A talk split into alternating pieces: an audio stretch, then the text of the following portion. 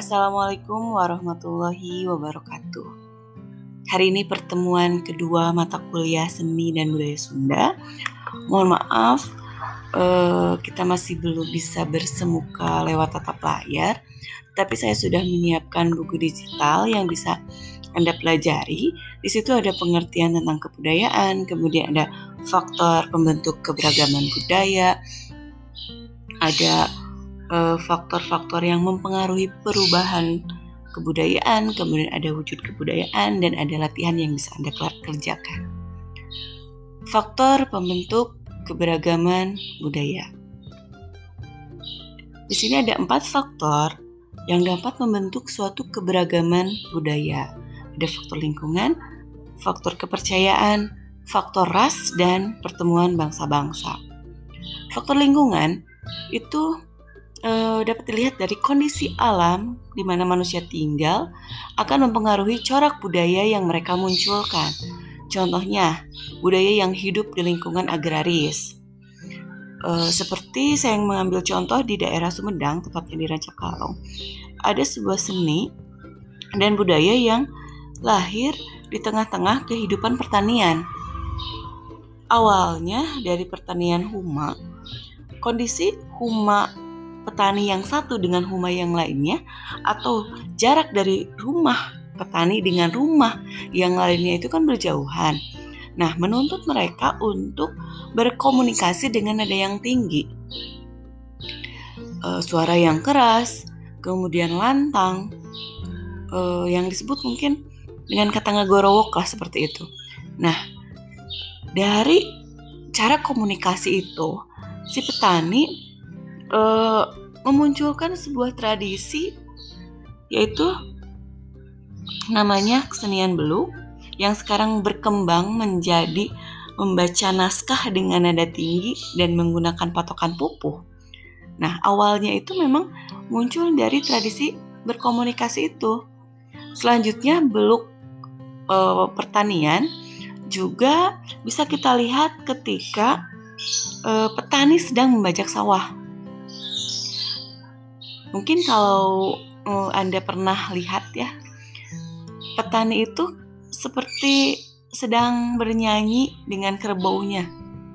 Nah, itu adalah salah satu bentuk penghargaan uh, kepada kerbau yang telah membajak sawah agar si kerbau tersebut semangat. Nah, itu memang nyanyian yang membuat agar si uh, kerbau itu menjadi semangat. Nah, itu bentuk komunikasi ya, komunikasi antara kerbau dengan petani dalam tradisi membajak sawah dalam budaya pertanian. Selanjutnya ada kepercayaan. Nah, kalau berkaitan dengan kepercayaan, masyarakat Sunda sendiri e, awalnya kan berkaitan dengan Sunda Wiwitan yang percaya percaya kepada satu Tuhan yang namanya Hyang. Kemudian e, ada campuran dari agama Hindu Buddha sampai akhirnya ada agama Islam. Tetapi memang ketika agama Islam itu muncul dari hmm, kegiatan kesenian atau budayanya itu masih terpengaruhi oleh agama awal mereka. Gitu. Bisa dilihat di situ ada foto sesajen.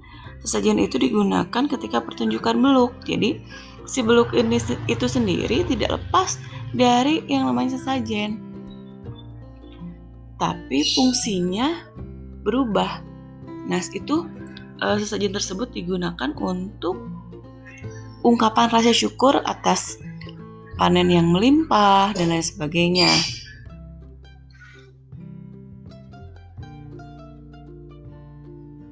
Ada makna-makna yang memang uh, tersembunyi dari sesajen itu. Contohnya ada makna kita itu harus berserah diri yang diwujudkan dengan gambar bakakak dan lain sebagainya. Yang ketiga berkaitan dengan ras. Di sini menurut penelitian antropologi bahwa perbedaan antar ras terletak dari ciri-ciri tumbuhnya. Tapi ada pula yang berpendapat bahwa selain dari segi fisik, segi jiwa dan rohaninya, perbedaan itu memungkinkan adanya perbedaan budaya. Yang keempat, itu adalah pertemuan bangsa-bangsa, kedatangan bangsa-bangsa lain ke negara kita, yaitu dulu melalui penjajahan, perdagangan, akan mempengaruhi keberagaman budaya. Akan adanya percampuran budaya dari proses tersebut. Contohnya di Candi Borobudur di Magelang, tidak lepas dari pengaruh agama Hindu Buddha dari India.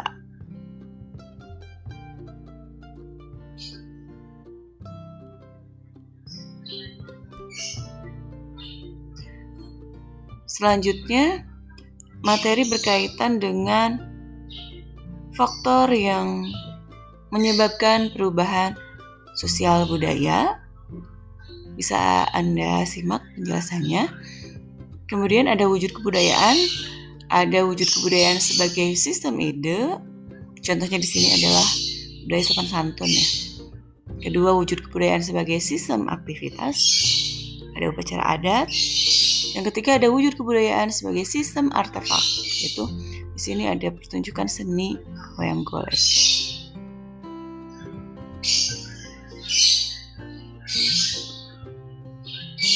Setelah Anda menyimak materi pada buku digital ini, kemudian eh, silahkan Anda kerjakan latihan pada slide terakhir.